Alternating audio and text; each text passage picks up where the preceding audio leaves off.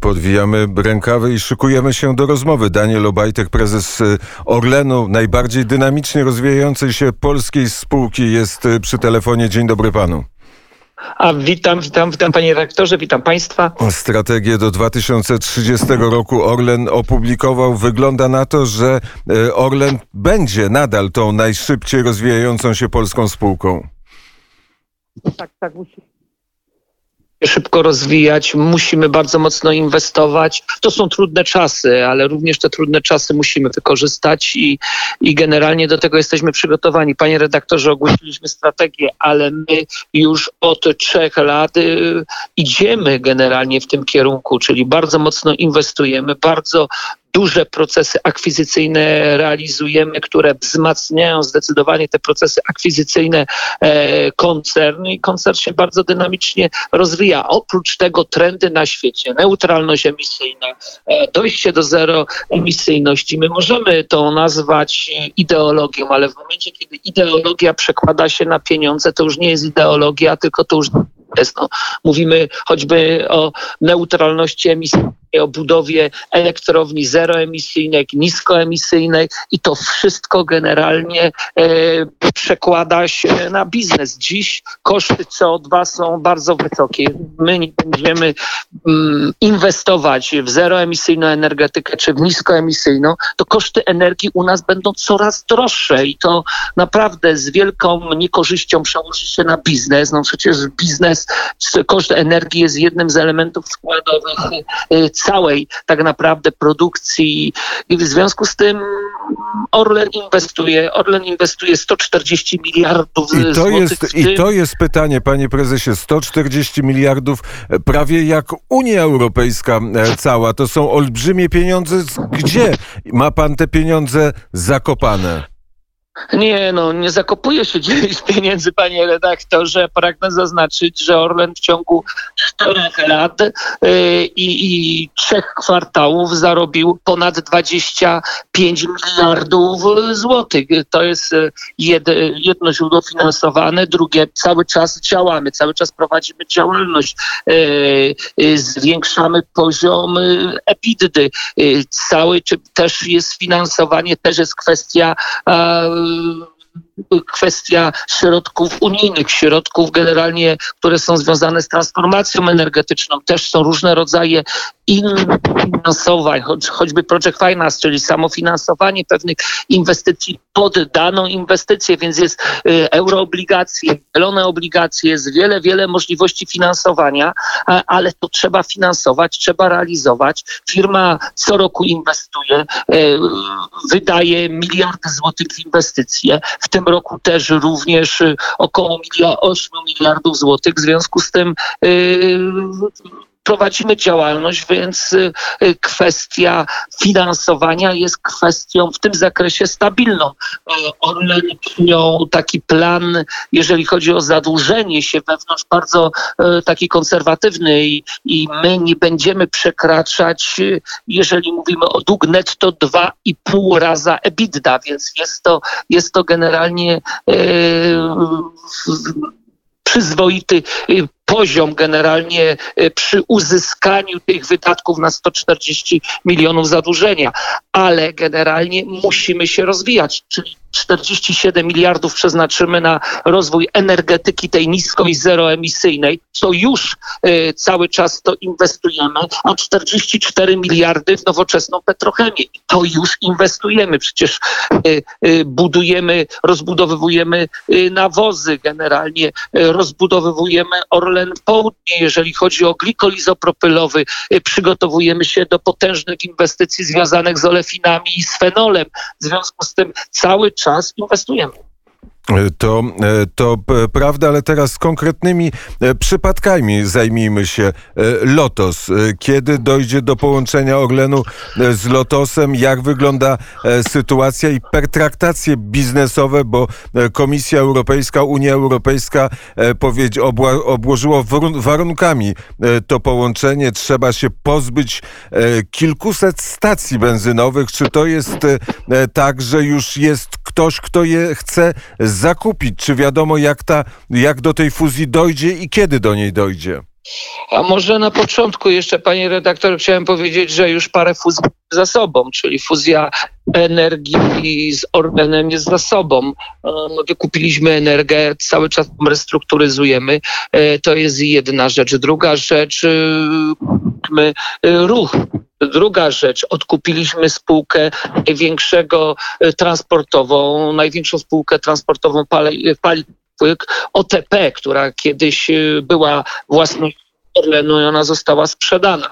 A, a jeżeli mówimy o Lotos, o czym niejednokrotnie będą pana wcześniej przed zgodą komisji cały czas wszyscy twierdzili, że tej zgody nie otrzymamy. To zgodę otrzymaliśmy i to na optymalnych warunkach. Zawsze mówiłem, że e, chcąc e, dokonać takiego połączenia będą musiały być warunki zaradcze w tym zakresie. Te warunki zaradcze, które nałożyła komisja są warunkami, które pozwalają prowadzenie tego procesu tak naprawdę e, i bardzo bym też prosił nie mierzyć poziomu lotosu po ilość stacji. E, państwo wszyscy e, widzicie Orlen i Lotos z poziomu stacji, a to tak naprawdę to jest jeden z elementów bilansu w tym zakresie kwestia stacji. My też cały czas rozbudowujemy stacje. Mamy ponad 100 miejsc przygotowanych stacji. Liczy się rynek hurtowy, liczy się marża hurtowa marża rafineryjna, liczy się wiele, wiele e, innych rzeczy. A jeżeli mówimy o rozmowach, tak, prowadzimy rozmowy z partnerami w Europie i poza Europą w tym zakresie. Uważam, że warunki zaradcze to nie jest coś strasznego, to musi być szansa również dla Orlenu w, w tym zakresie i dla całej polskiej gospodarki. I to, co kiedyś mówiłem, y, pora i czas skończyć z tym absurdem, który w Polsce był praktycznie dat, że my jako Orlen zakupujemy ropę na część, rynek, na część rynku polskiego, rynku już mamy rafinerię również w Morzejkach, na rynek litewski, Litwa, Łotwa, Estonia, zakupujemy ropę na rynek czeski, a w Polsce generalnie mamy dwie firmy i każdy sobie kupuje e, ropę. Proszę zobaczyć, ja nie mam prawa wiedzieć, jakie umowy na zakup ropy ma firma Lotos, ani Lotos nie ma prawa wiedzieć, jakie umowy na zakup ropy ma Orlen. Czy to nie pora i czas zbilansować, czy zawsze musimy być ogrywani? E, przecież e, ropa to nie tylko paliwa, ropa to również bezpieczeństwo bezpieczeństwo, to energetyka, to transport, to yy, czy, czy, musimy być tego rozgrywani? Tak naprawdę, mówiąc szczerze, Lotos jest spółką Skarbu Państwa, większościową spółką Skarbu Państwa. Orlen, co prawda, jest mniejszościową, ale Skarb Państwa jest dominujący poprzez, poprzez złote akcje, jest dominujący w tym, e, w tym zakresie. W związku z tym, no, nie może tak być. No, pora i czas było skończyć z tym absurdem, z tym, z tym yy, i tak naprawdę cierpią na tym yy, konsumenci, cierpią na tym klienci, i, którzy tankują na naszych stacjach. I w taki sposób jesteśmy brutalnie rozgrywani przez 30 lat. I, mm, a jeżeli mówimy o tych warunkach tak, trwają rozmowy, to co powiedziałem, jeszcze raz się powtórzę, e, z, z, z partnerami i z Europy, i spoza Europy. Mierzymy najbardziej optymalną opcję, taką opcję, która e, biznesowo spójna z nami, ale i też taką opcję, która będzie dawała nam bezpieczeństwo. Dawała czy, nam bezpieczeństwo czy, i szerzej na to musimy popatrzeć. Czy może pan prezes zdradzić, e, z kim trwają te rozmowy i kto jest faworytem i kiedy one się e, skończą? No widzi pan, tu krótko panu odpowiem. Nie mogę zdradzić, nie mogę zdradzić, kto jest faworytem. Nie ma faworyta. Rozmawiamy Zgodnie z tym komisja nam dała na to 12 miesięcy, już 4 miesiące e, mija. Te rozmowy się skończą zgodnie z planem i wtedy podamy e, to do informacji. E, powiedział pan e, prezes o tym, że ruch w końcu stał się własnością Orlenu. Czy jest jakiś pomysł, bo ruch właściwie był na granicy albo przekroczył granicę bankructwa? Wyglądało na to, że już ruchu w ogóle nie będzie. Wtedy zjawił się pomysł i Orlen przejął ruch. I co dalej z tym ruchem? Panie redaktorze, czy pan sądzi, że bez pomysłu kupowałbym ruch? No nie, no w żadnym wypadku, a przecież to nie jest nic dziwnego. Przecież e, Orlen e, ma stację paliwa. Na stacjach paliw e, nie tylko sprzedajemy paliwo, ale mamy sklep, mamy gastronomię i po to kupiliśmy ruch, żeby rozwijać się w formatach pozapaliwowych. Przecież myśmy w ogóle w strategii mieli wyjść poza formatami naszych stacji. Mamy parę markowych naszych produktów, które promujemy. Mamy dobrą gastronomię, fantastyczne hot dogi i najlepszą kawę w Polsce. To dlaczego generalnie tego nie skopiować właśnie w ruchu. Będziemy budować nowe formaty y, sklepów. Y, niedługo y, będzie prezentacja, jak będą wyglądać nowe bryły ruchu w Polsce e, w tym zakresie i przecież to się łączy z naszym biznesem. My mamy sprzedaż detaliczną, optymalizujemy automatycznie logistykę, mało, mało usługi kurierskie. My mamy, wchodzimy w usługi kurierskie. Też chcemy budować e, e-commerce połączony e, z paczkami, które będą automatycznie dystrybuowane. Mając 1300 punktów ruchu, może niebawem będzie 1500, mając 1800 stacji, no, gdzieś usługi kurierskie E, paczka, przecież e, która będzie automatycznie e, generalnie dystrybuowana, ma przyszłość. W związku z tym wszystko łączymy. Jest to biznes. Zapinamy. Lepiej nam przejąć firmę, która ma tradycję, która ma lokalizację, niż budować to od podstaw. Budowa od podstaw trwałaby co najmniej 4-5 lat. Ale tutaj My... ruch wejdzie i stanie się też konkurentem polskiej poczty. Ale dlaczego konkurentem polskiej poczty? Paczki, ja, paczki bardzo intratny a interes. skąd pan redaktor wie, że nie będziemy współpracować z Pocztą Polską w tym, tym nie zakresie? My już współpracujemy. No przecież my też mamy stacja w paczce i tu współpracujemy z Pocztą Polską. To nie jest tak, że nie będziemy współpracować z Pocztą Polską. Nie będziemy w żadnym wypadku w tym zakresie konkurować w konkurencji e, nie ma e, niczego złego, bo tam, gdzie jest konkurencja, tam jest najlepiej respektowany interes Ale można generalnie, można, y, poczta też ma swoje punkty, można generalnie w różne układanki biznesowe w tym zakresie myśleć o realizacji i realizować. Tak e, sobie pomyślałem, czy e, tego nie ma zapisanego w strategii do 2030 roku, ale e, Poczta Polska też, też nie jest w takiej najlepszej kondycji, ale to zostawmy na boku. PGNiG to była ta informacja bardzo zaskakująca, kiedyś zaskakująca, że też PGNiG ma wejść do obszaru, do obszaru zarządzanego przez Orlen. Czy to się stanie? Panie redaktorze, tak samo zaskakujące kiedyś dla analityków i wszystkich było przejęcie grupy Energa przez Orlen i wszyscy się temu bardzo mocno dziwili, gdzie tu biznes. Teraz ci sami analitycy i ci sami ludzie mówią, że to było jedno z najlepszych posunięć. Dziś budujemy koncern multienergetyczny, koncern, który będzie oparty o paru filarach.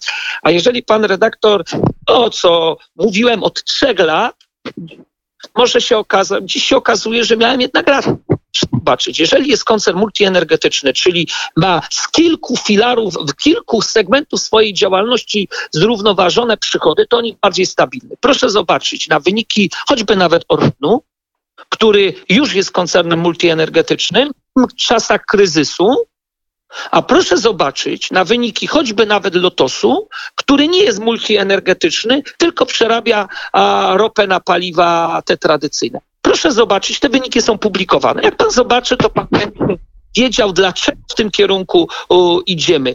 Za 10, 15, 20 lat nie będzie sprzedawało się paliw takich, które my znamy, tylko zupełnie inne. Więc trzeba, prze, y, trzeba wejść metamorfozę swoistą. A jeżeli mówimy o PGNiG, również paliwa, to również gaz. Przecież Orlen posiada dwa bloki gazowe. Jesteśmy czwartym producentem energii elektrycznej. Ej, mamy w planach blok gazowy w Ostrołęce, mamy w planach blok gazowy w Gdańsku. Rozbudowujemy petrochemię, rozbudowujemy nawozy. Do tego jest potrzebny gaz. Czy tu nie ma połączeń? A proszę zobaczyć, a klient, a portfel klienta. Może dobrze byłoby, by klient dostał jedną fakturę do domu za gaz, za prąd, za paliwo, które tankuje i jeszcze skorzystał z usługi komersowych i innych. Czy rozszerzenie palety klienta w obszarze energetycznym to nie jest biznes? Panie redaktorze, nie można wiecznie klepać guzików. z lat 30., 40. Trzeba iść do przodu, trzeba się rozwijać, trzeba nie bać się podejmować decyzji, nie miauczeć, tylko iść do przodu i podejmować decyzje. W biznesie trzeba być twardym, w życiu trzeba być twardym, a szczególnie w momencie, kiedy ponosi się tak dużą odpowiedzialność. E, to w takim razie nie miałczmy, e, tylko powiedzmy, że, że e, bardzo wielki koncern, bardzo wielka spółka Skarbu Państwa to jest pytanie, czy nie będzie jakiegoś monopolu. Panie redaktorze, a jaki monopol? A niech pan zobaczy na wielkość BP Shella, Totala, które są 6-7 razy większe i ktoś mówi o monopolu?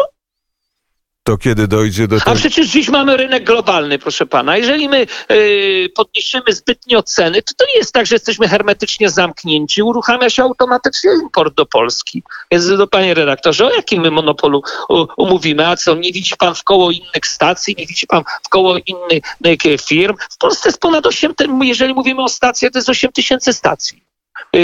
8 y, tysięcy, proszę sobie e, sprawdzić, nawet ponad. A, y, taki biznes musi być wielki, ponieważ bez wielkości tego biznesu nie zrobimy inwestycji. Proszę zobaczyć, jeżeli ten biznes nie będzie wielki, to skąd można wziąć za, na zainwestowanie 140 miliardów złotych? Mały biznes zainwestuje panu 140 miliardów złotych? Przecież to są technologie, które są cholernie drogimi technologiami. Taka farma wiatrowa na Bałtyku jest około 10 miliardów złotych tam tysiąc, yy, tysiąc megawatów.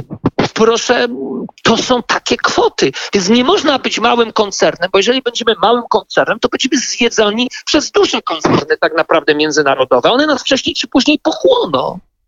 W tej branży, w branży energetyczno, koncern multienergetyczny musi mieć wielkość, bo nie jest w stanie generalnie realizować inwestycji, innowacyjnych inwestycji. One miliardy kosztują.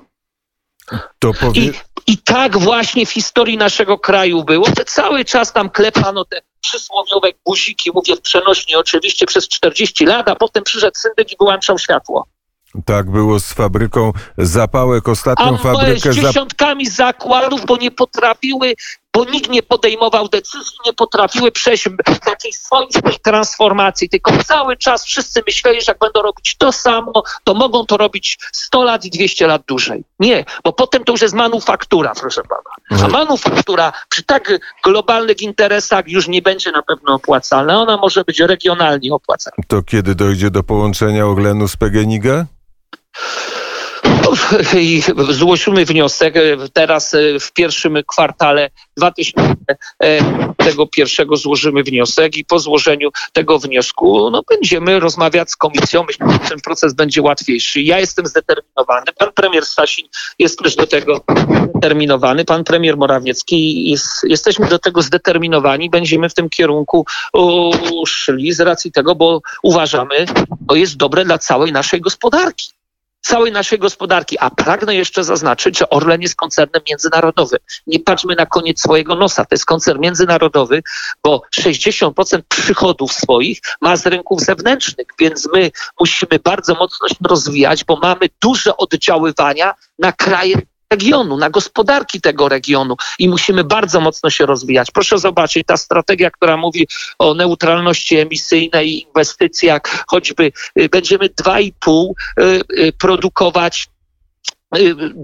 do 2000, 2,5 gigawata do 2030 roku czystej energii. To będzie wa ważne. Nie tylko o, z Polski, z powodu po, związane to będzie z polską gospodarką, ważne dla polskiej gospodarki, ale też dla gospodarki właśnie tu regionu. Tak samo rozwój petrochemii.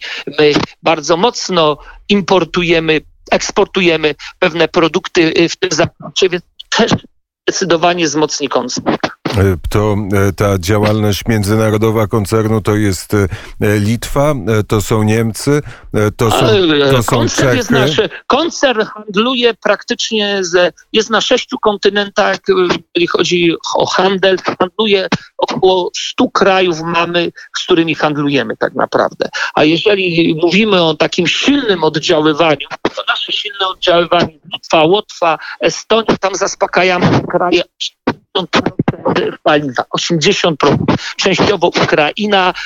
Mamy również Unipetron, który jest, to są dwie rafinerie w Czechach, Petrochemię w Czechach, zaspokajamy tamte zaspokajamy też w paliwa częściowo rynek, częściowo rynek niemiecki, ale tu niewiele, ale mamy również tam detal, przecież tam posiadamy ponad 600 stacji i, i w Niemczech również generalnie w Słowacji zaczynamy powoli i zdobywać stacji. Mamy tam około 20% rynku hurtowego w zakresie i w petrochemii i, i generalnie i, i, i w paliwach. W związku z tym to są te kraje, których odprowywujemy, ale jeszcze będziemy zdecydowanie mocniej gospodarczo oddziaływać.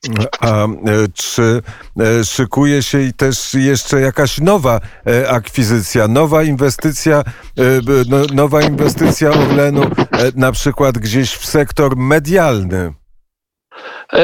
Panie redaktorze, ja nie komentuję tych wszystkich spekulacji w tym zakresie. Strategię ogłosiliśmy w dwa dni temu. Podaliśmy nasze kierunki rozwojowe. Mamy ruch budujemy dom mediowy, już generalnie mamy dom mediowy, cały czas pracuje. Takie firmy również posiadają własne domy mediowe.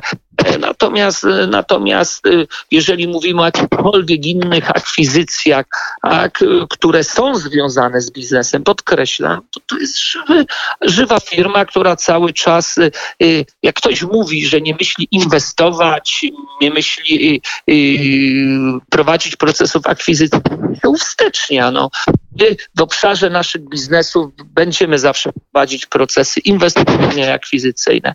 Jak szybko pan prezes podejmuje decyzje?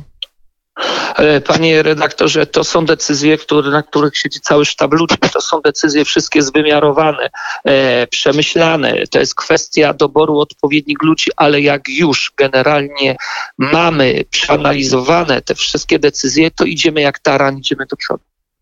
I to słychać, panie prezesie. Dziękuję bardzo za rozmowę. Dziękuję bardzo. Dziękuję. Daniel Obajtek, prezes Orlenu, był gościem poranka wnet. Na zegarze godzina 8.32, najwyższa pora na kwiat jabłoni.